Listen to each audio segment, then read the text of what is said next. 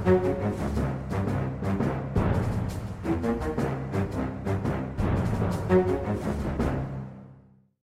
kjører vi i gang med en ny episode av Aftenpodden. Jeg heter Lars Glomnes, er politisk journalist. Med meg så har jeg politisk redaktør Trine Eilertsen, god dag, god dag. God dag. Og Sara Sørheim, som er kulturredaktør. Hallo. Hallo. Sånn, eh, velkommen. Takk. Nå er vi her i buret igjen, og valgkampen har starta for alvor. Og ikke bare den eh, politiske sånn rene legge fram hva de mener, men den deilige sesongen der politikere begynner å gjøre ting som er veldig, veldig rare og morsomme å se på. Den deilige, men også ganske vonde perioden eh, opp mot eh, valget, hvor, eh, hvor, man kan bli utsatt for såkalte valgkampstunts. Eh, som kan være alt fra underholdende til direkte ubehagelige å må, måtte se på. Men vi har jo hatt flere å velge mellom denne uka her. Ja, og siden, vesentlighetskriteriet ikke er vår eh, ledestjerne i Aftenpodden, så lar vi noen av de store sakene ligge, og så går vi til det som har vært prata nesten mest om av alt, og det er Anders Anundsens vidunderlige halvtimeslange video om hvor flink han er. Mm.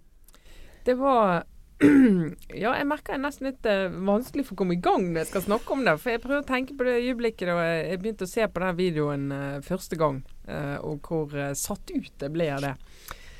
Uh, men eh, siden så har det jo vært en eh, Ja, diskusjoner har jo tatt alle retninger. Det har jo vært selvfølgelig pressekritikken han kommer med der, er jo ene siden av det. Uh, vi har skrevet om, og flere har skrevet om, hans forhold til eh, embetsmenn og sine underordnede i uh, etatene og departementene som uh, stiller opp og forteller om at både han og regjeringen gjør en god jobb. Så det er, jo, det er, jo, en helt ny sjanger, vil jeg si, av politisk kommunikasjon i, i, i, Norge og i land vi liker å sammenligne oss med, må vi vel kanskje si. Men land vi ikke liker å sammenligne oss med, der er det jo ikke uvanlig. Men der dette, går det rett inn i det vanlige, vanlige bildet. Jeg må innrømme at jeg faktisk jeg brukte litt tid på å se den. Eh, med en gang jeg hørte om den, tenkte jeg sånn Ja, men jeg tror ikke jeg orker å se en halvtimes informasjonsvideo fra departementet, samme hvor skandaløs den er. Men så skjønte jeg at eh, nei, dette må jeg faktisk eh, bruke litt tid på. Eh, og allerede helt Altså med en gang så bare Altså, alt skurrer. Teknisk produksjon er jo helt under enhver kritikk. Stakkars folka i departementet som jo ikke har dette som jobb, men som har måttet sitte og lage en film. Det er faktisk ganske vanskelig. Men også den tilsynelatende manglende dømmekraften til statsråden. Og den hjelpeløse, veldig klønete måten han liksom prøver dette her på. Det er bare så underlig alt sammen. Men det er klart, han Altså enten så er han så ekstremt kynisk at han tenker at all PR er god PR og, og ler hele veien til banken.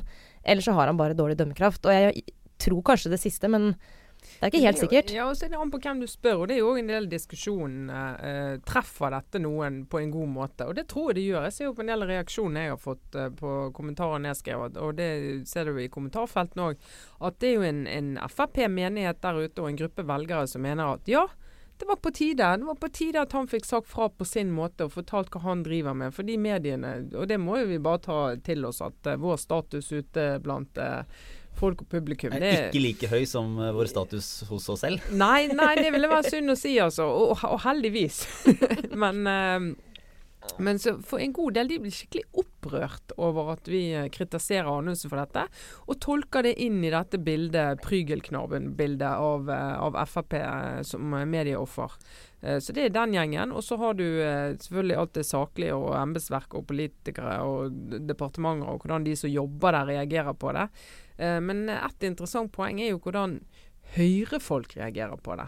For det er jo i hvert fall noen eh, innspill som tyder på at eh, Høyre, de, en del i Høyre og også i regjeringsapparatet, de får jo aldeles eksem av eh, denne typen uh, Frp-utspill, og, og, liksom får enda mer problemer med å, å, kjenne seg hjemme med et parti som kan uh, finne på sånne ting. Da. Og jeg tror Uansett hvor irritert rådgiverne på SMK er på diverse presseoppslag, så tipper jeg at Sigbjørn Aanes på SMK ville anbefale å ikke kritisere absolutt alle mediene knallhardt uh, over en lav sko, sånn i introduksjonen til videoen, som Anders Anundsen gjør. Om ikke annet av rent strategiske årsaker, så er det en helt ufattelig klønete måte å prøve å få oppmerksomhet på. dessuten så tar han feil. Det er jo ikke riktig at han kun får negative oppslag. Eh, men en annen kanskje langt mer alvorlig ting er jo selvfølgelig, som Trine har vært inne på, hvordan embetsverket blir brukt i denne filmen. Noe jeg også tror eh, vekker en viss irritasjon andre steder i, i apparatet. Fordi eh, om de så er enige, så burde faktisk folk som jobber i f.eks. politisektoren, slippe å stå der på pinne foran sin egen sjef og bekrefte at han er en god leder. Det, det mener jeg, det er nesten sånn at det nærmer seg dårlig folkeskikk. Så der burde han hatt noen rådgivere som uh, kunne ha hjulpet ham uh, Er det da jeg skal det. si jeg er helt enig, Sara. Du er veldig, veldig klok. Men ikke sånn at Aftenposten har blitt veldig mye bedre i det siste året, Lars? Jo, jo, det er veldig mye bedre nå. Helt annen ressursbruk og mye lettere å være reporter og Ja, jeg syns i det hele tatt det er mye mer effektivt og mye mer spennende meninger, og, kultursidene har blitt veldig gode. ja, Ikke sant? Ja, det er veldig bra. Ja, men eh, det er jo kortfatta, Trine. Du skrev jo en kommentar om dette. her Hva er liksom de, de største problemene ved å lage en sånn film? For noen vil jo bare si ok, så han lager en informasjonsfilm. Han sier hva de driver med. Ja. Hva, Ja, og, og jeg synes det, altså Kostnaden og alt sånt rundt det, det syns ikke jeg er så interessant. Men det, det, det mest interessante og mest sånn uh, kritikkverdige i det, er nettopp den bruken av uh, embetsverk og, og ansatte i eh, etatene og departementene. Um, og så er det jo mener jo det er jo problematisk at, at vi har en statsråd som ikke ser at dette er et problem. Det syns jeg virkelig er, er rart. At han kan stå der i fullt alvor og si men dette er ikke dette er ikke valgkamp for Frp f.eks. Dette er jo bare saklig uh, gjengivelse av ting vi har fått gjort. Og det, det vitner om en, en måte å se verden på som jeg syns er ja, hva skal jeg si, mystisk. Ja, tror jeg sier det. Men det er jo også interessant som politisk kommunikasjon, eh, for tenk om det hadde vært eh, vellykka. Eh, og da syns jeg kollega, for å være litt sånn raus, vi lever jo i raushetens tid, eh, blir det påstått, eh, så kan jeg jo sende et nikk til kollega Fridtjof Jacobsen i, eh, i VG, som tidligere i uka skrev at eh, dette er jo faktisk eh, interessant den dagen man får en statsråd som lykkes med denne måten å kommunisere på. Og kanskje har vi allerede hatt det i Jens Stoltenberg, som hadde evnen til å snakke direkte til sine velgere gjennom sosiale medier. Eh, hvis eh, vi i neste valgkamp får et profferapparat inn, og, og får eh, politikere som lager virkelig gode reklamevideoer som fremstår som journalistikk, som kanskje ikke engang virker uprofesjonelt, så har jo vi i mediene et, et, om ikke et problem, så, så er det iallfall viktigere enn noen gang at det drives uavhengig journalistikk da, på valgkampen. For det er jo noen som mener, og det var jo han eh, godeste kommunikasjonsmannen Ringdal eh, snakket jo i Dagsnytt 18 eh, denne uken han mente at dette kunne umulig være utilsikta. Han mente at, det, at dette var et, liksom et spill for å få med seg Ok, da så sier 70% at det her var idiotisk, men 30% er fortsatt godt over det Frp har i oppslutning. Så hvis Anders Anundsen får, ja, får en fjerdedel eller en viss andel til å synes at dette er helt ok, så vil det være en seier. Og han mente at eh, da, det å skulle få kontroverser var nærmest en del av strategien. Er det, er det troverdig? Er det, er det så utspekulert? Ja, altså jeg tror det, Kontroversen jeg tror ikke jeg plager eh, Anders Anundsen. altså Den kontroversen med pressen tror jeg bare, bare gagner eh, både han og Frp. Men jeg tror jo ikke at det finnes veldig mange nordmenn som orker å se en halvtime med informasjonsvideo om noe som helst eh, der folk har klær på, for å si det sånn. Så det eh, tror jeg rett og slett ikke kommer til å lykkes. At du får ut hele budskapet til, eh, til de du håper å nå, da, til det store, breie norske folk. Men det er klart vi eh, kan jo spekulere i at eh, folk sjokkerende nok er smartere enn det vi tror ved første øyekast når det gjelder eh, akkurat disse her kampanjene opp mot valgkampen. Vi skal jo snakke litt om Oslo etterpå, Lars. Og vi hadde jo i går også en sak om, i Aftenposten om kampanjen til Raymond Johansen som hadde en skrivefeil. Veldig morsomt. Ekstra morsomt fordi Raymond Johansen jo var ute i DN og pekte på noe av det samme som, som kanskje Anders Anundsen har villet svare på, nemlig at det er så vanskelig å komme ut i media og få, få oppmerksomhet. Eh, og så fiksa han jo det på egen hånd da, i, i går ved at, eh, ved at de hadde limt opp disse svære plakatene på en haug med trikker i Oslo med en, eh, en ganske grov skrivefeil. Eh, og ikke mindre enn at det handla om eh, at de skulle ha flere lærere i skolen. Så det var jo en ekstra sånn ekstrapoeng. Og dette ble jo lest noe helt abnormt mye, eh, både hos Aftenposten og andre steder. Så det var jo det fikk jo mye mer oppmerksomhet rundt det enn om noe annet Ramin Johansen har eh, sagt og gjort i valgkampen så langt. Og i og med at det er eh, den genierklærte Kjetil Try som lager kampanjen for Oslo Arbeiderparti, så ble det spekulert av litt sånn vonbrotne Høyre-rådgivere på Twitter i går eh, i at eh, kanskje denne skrivefeilen var med vilje, sånn at vi skulle skrive om den, sånn at de fikk oppmerksomhet, basert på den samme all PR er god PR-tankegangen. Nå tror jeg egentlig ikke det er tilfellet, men, men det er klart Vi har jo sjekket om det var tilfellet. Vi har i hvert fall prøvd. vi har prøvd å sjekke. Så med mindre vi har blitt påskrudd. Det hender jo. Så tror nok jeg at både Anundsen-videoen og denne kampanjen til Raymond er eh, rett og slett dårlig håndverk. Men vi får ta med oss videre da, at eh, det er jo mulig det sitter en eller annen spinndoktor her og bare har casha inn helt vanvittig At det kommer en sånn avsløring rundt Gulltaggen, eller hva de heter, disse her konkurransene til reklamefolka seinere i høst. Men jeg har mine tvil. Det virker også som det er en eh, Vi kan jo mistenke en systematisk liksom, overvurdering av egen bransje når disse eh, PR- og uh, infofolka spekulerer i at dette egentlig er ment riktig. Mm. Man tenker at ja, de har nok egentlig kontroll, for vi er jo så flinke alle vi som driver med å skulle pushe disse meldingene ut. Og så viser det seg jo at nei, nei, det var bare bomma ordentlig. Ja, Det er litt som når folk tror at vi har, veldig store konspirasjoner og velgjennomtenkte planer om noe vi vil oppnå i en redaksjon. Og tror enhver redaktør som møter det, blir- automatisk begynner å forsvare seg. Og så tenker jeg, blir litt smigret inni seg og tenker tror dere virkelig at vi har så god planleggingsevne? For det har vi jo ikke. Men, eh, men den, eh, en eh, annen sak som dukket opp i avisen Nordlys i dag, uh, innenfor samme sjanger, uh, i disse content marketing-debattider, der har jo Arbeiderpartiet kjøpt redaksjonell plass på nettsiden til avisa Nordlys, der vi kan se og lese et intervju med, med ordførerkandidaten, eh, byrådslederkandidaten eh, i Tromsø for Arbeiderpartiet. Eh, og veldig hyggelig intervju og informativt og alt som er. Vi kommer tett på henne og får vite tett hvem hun skal gifte seg med, eller har giftet seg med. Ja. Får se familiebilder øh, Ja. i det hele tatt. Og det er merket sponset innhold, eh, som er jo Det er bare de siste ukene, månedene, vi har begynt å få denne type innhold på, på nettsidene våre. Eh, og da blir jo med en gang diskusjonen som uh, Fridtjof var inne på i, i sin kommentar, når dette begynner å bli bra og ikke pinlig, når dette begynner å bli uh, en type innhold som ligger helt opp til det du kunne hatt, uh, fått laget redaksjonelt, og du kjøper den plassen, og jo mer penger, da, jo større plass kan du kjøpe i en valgkamp. Jeg mener Debatten om eh, TV-reklame begynner jo å bli en, eh, en parentes sammenlignet med dette. Det er, en, eh, det er en diskusjon som vi så vidt har begynt, som vi sier når vi ikke helt vet hva vi skal si.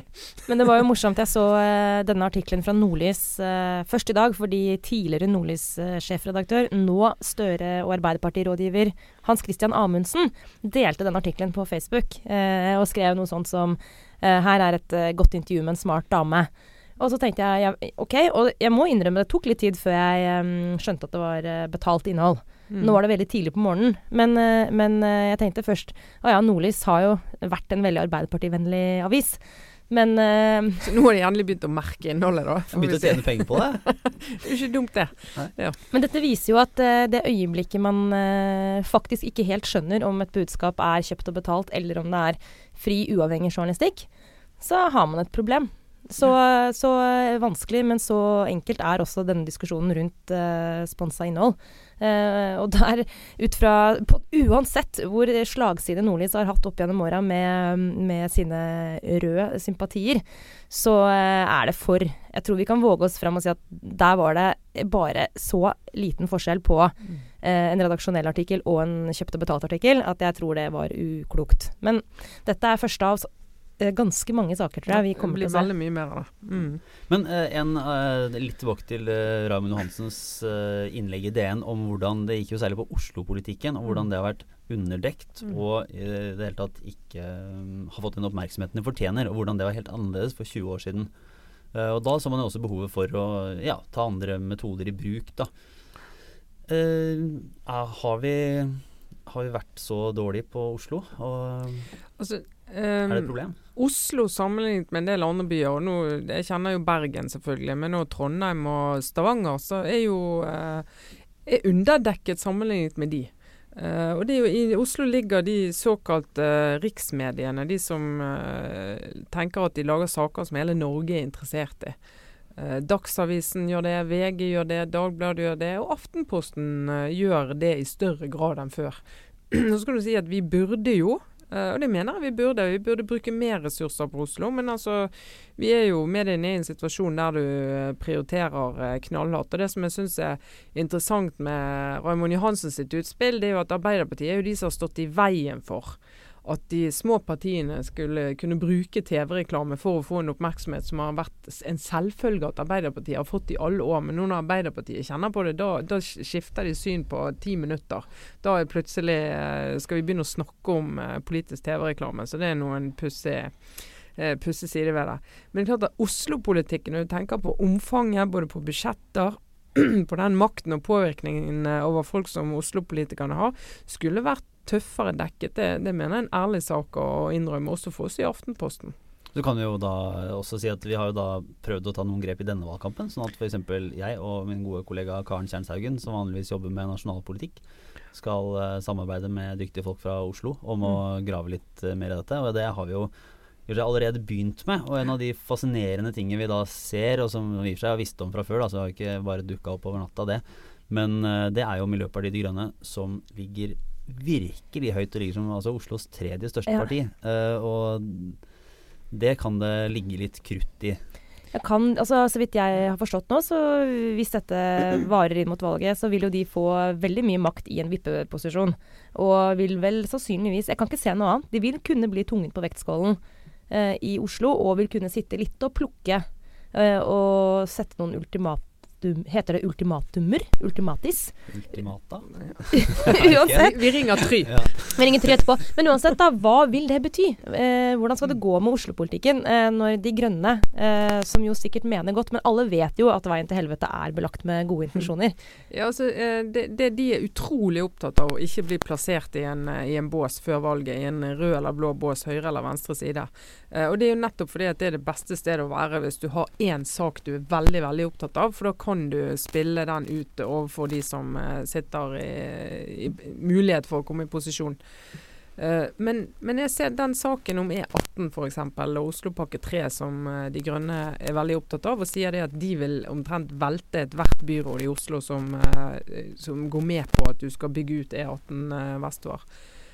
Og på å si, Vi som har fulgt politikk i noen år, og ikke minst samferdsel sammen med alle de gråhårede mennene i noen år, vet jo det at det å få til en sånn pakke der flere kommuner er involvert, der flere generasjoner av kommunestyrer og byråd er involvert, der flere, alle partiene egentlig er nødt til å være enige over tid, det er et mareritt. Det er et mareritt å få til en sånn pakke. Og Hvis det da kommer ett parti, når du liksom begynte å få litt uh, fart på det, sier vi trekker ut det ene elementet veien da, i denne pakken, som består av sykkelstier og kollektiv og alt mulig.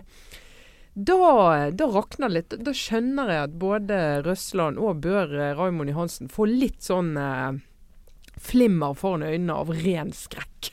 Det, så, er, eh, det blir så vanskelig hvis de faktisk skal begynne med det. det. Og det virker om en litt sånn politisk naivitet fra MDGs side, mener jeg, å gå inn i det på den måten og sitte, sette saken på spissen sånn. Eh, og litt sånn politisk uerfarenhet, som er, som er, en utfordring når et parti kommer så fort og plutselig kan få så mye makt. Jeg merket meg i går eh, når eh, førstekandidaten til MDG var helt tydelig på at eh, vi støtter ikke noen som vil ha en økt kapasitet på E18 inn til Oslo. Vil ikke bygge mer motorvei. Så var jo Røsland helt tydelig på at men det, det ain't gonna happen. Vi kommer ikke til å samarbeide med noen som skal skrinlegge Oslopakke 3 og motorveiutbyggingen. Men Raymond Johansen var mer ullen og imøtekommende i sitt svar, og åpnet for, eh, så vidt jeg forsto han, at man kunne kanskje lete etter et kompromiss.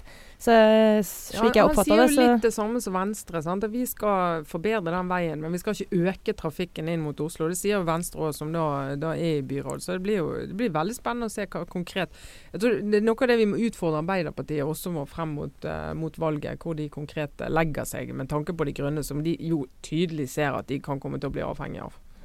Det blir gøy også etter valget eh, i Oslo. Eh, eller det vil si også slitsomt for de som sitter der, men gøy for oss. Eh, fordi nå våger jeg meg ut på en analyse, mulig jeg tar feil, men det kan jo godt hende at veldig lite er avklart i Oslo rett etter altså valgnatta. At det må forhandlinger til, og da kan jo alt skje. Du kan få en gjentagelse av høsten 2013. Nydalen.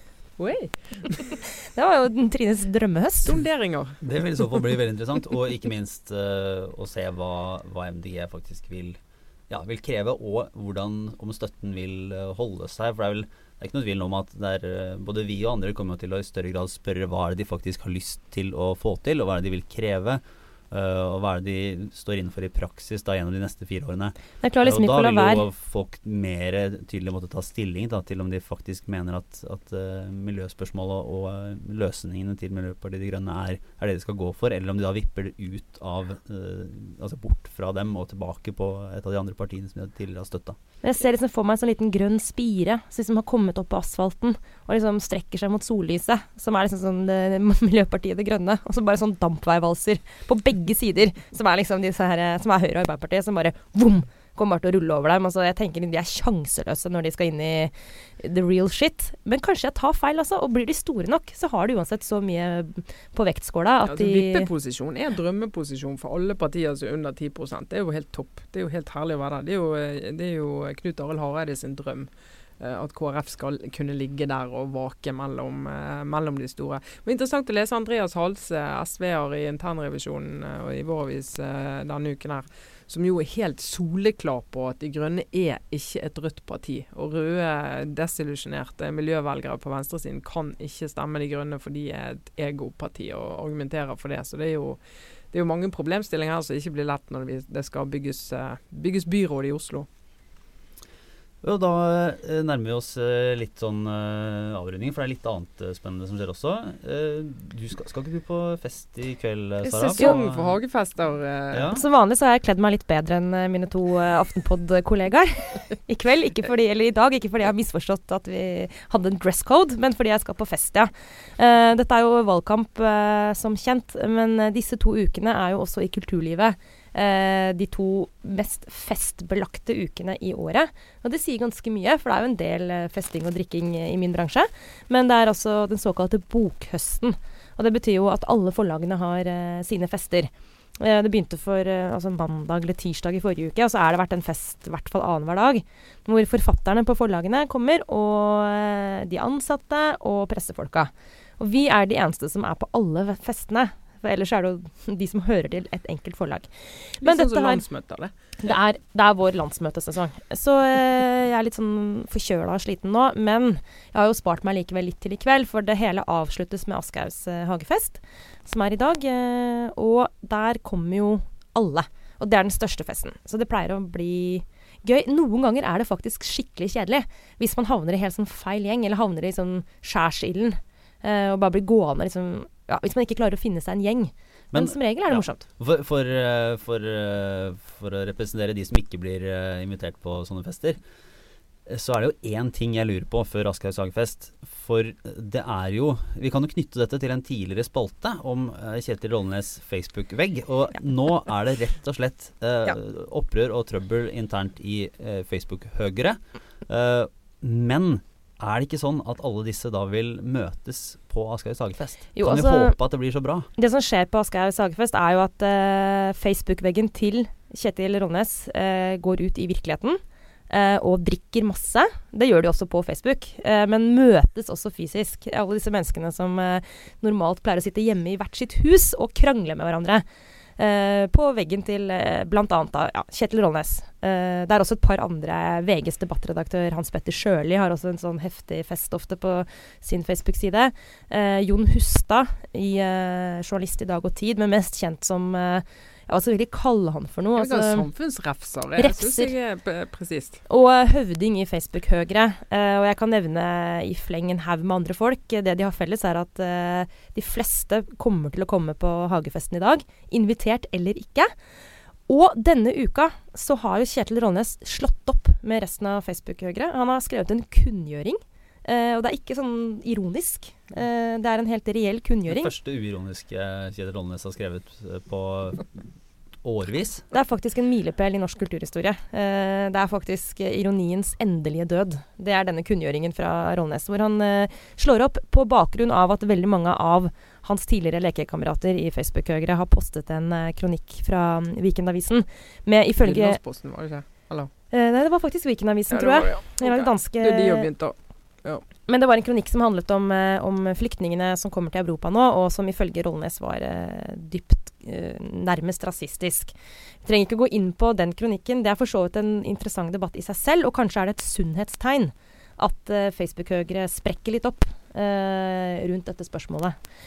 Men selv om jeg egentlig tenker at jeg burde gå inn i denne debatten, så må jeg innrømme at jeg gleder meg aller mest til å se eh, akkurat i kveld om de faktisk kommer til å begynne å slåss på Aschehougs hagefest. Jeg håper faktisk litt det, kan jeg røpe for Aftenpostens eh, lyttere. Er det, er det mye slagsmål på hagefestene til Aschehoug? Eh, nei, jeg vet om en forfatter som ble slått til blods en gang, men det var ifølge han selv på 80-tallet. Så i min tid så har jeg ikke sett eh, slåssing. Eh, jeg har sett litt grining. Men stort sett så er det jovial stemning. Men så går alle ut etterpå.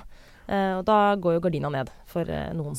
Store egoer i kombinasjon med fri flyt av alkohol, det, jo, det blir jo i hvert fall diskusjon. Ja. Ofte. Så eh, vi får se om jeg klarer å leve opp til eh, mitt eget rykte. Men jeg håper jeg kan komme tilbake til dere med noen gode, men ubekrefta rykter Ja. Eh, til Noe, neste uke. noe jeg, et, et lite apropos jeg syns er fascinerende, er jo at Trine Eilertsen eh, Når Bilderberg samler folka, da er du på gjestelista. Når Fiffen i Oslo enten er Fafo-festen Nei, eller Aschehoug Fafo, Sagefest, Aschehoug, så er det nei. bare Nei, da kan du bli hjemme. Nei, da kan du bli hjemme. Nei, jeg- på ingen lister. På ingen lister. Så jeg kan jeg bare si at det er ikke jeg som får med meg de u- ubekreftede og gode ryktene som du forventes å stille opp med her neste, neste uke, Sara.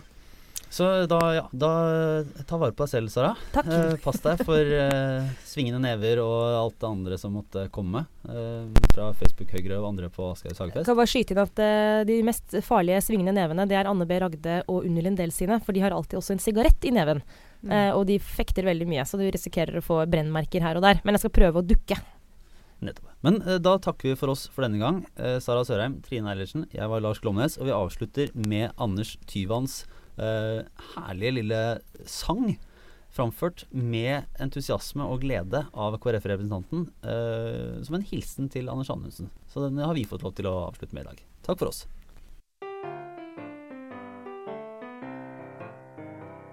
Det var en deilig sommerdag da Anders proklamerte Nå lager vi en film om hvor utrolig flink jeg er. Og alt som har blitt bedre fra de rød-grønne regjerte. For det er nok å ta av, jeg har lagd en liste her. Så finner vi noen embetsmenn som stiller villig opp. Så spør jeg hvordan ståa er, og alle svarer topp. Og hvis de skulle svare feil, så klipper vi det bort. Og får dem til å innse at det skulle de ikke gjort. For jeg er tross alt sjefen, og da bør de smile pent. Og gi meg all den rosen som jeg syns jeg har fortjent. Så satte de i gang, og Anders fremsto som en leder som hadde rustet opp og satt beredskapen i stand. Og alle som han snakket med, de ga ham villig heder og nikket da de skulle og dro selvskrytet i land. Et riksvåpen i hjørnet ville Anders gjerne ha. Da blir det mer troverdig, og troverdighet er bra. For målet er å fremstå både objektiv og flink. Og det var visstnok ingen som ga Anundsen et vink om at det kanskje var litt dumt å gjøre nettopp det, når alt er propaganda for å fremme Frp. Så laget de en intro der han denget løs på pressen. En kritisk journalist, det er det verste Anders vet. For det er ikke greit å stille spørsmål ved prosessen rundt vedtak om asylbarn eller midlertidighet. For norske journalister gjør for mye som de vil, og skriver altfor lite om hva Anundsen får til. Og hvis det blir debatt og folk syns filmen er for drøy, så gjør det ikke noe, det er faktisk bare gøy. For da kan Anders klage på hvor slemme alle er. Og nettopp derfor trengte han jo denne filmen her.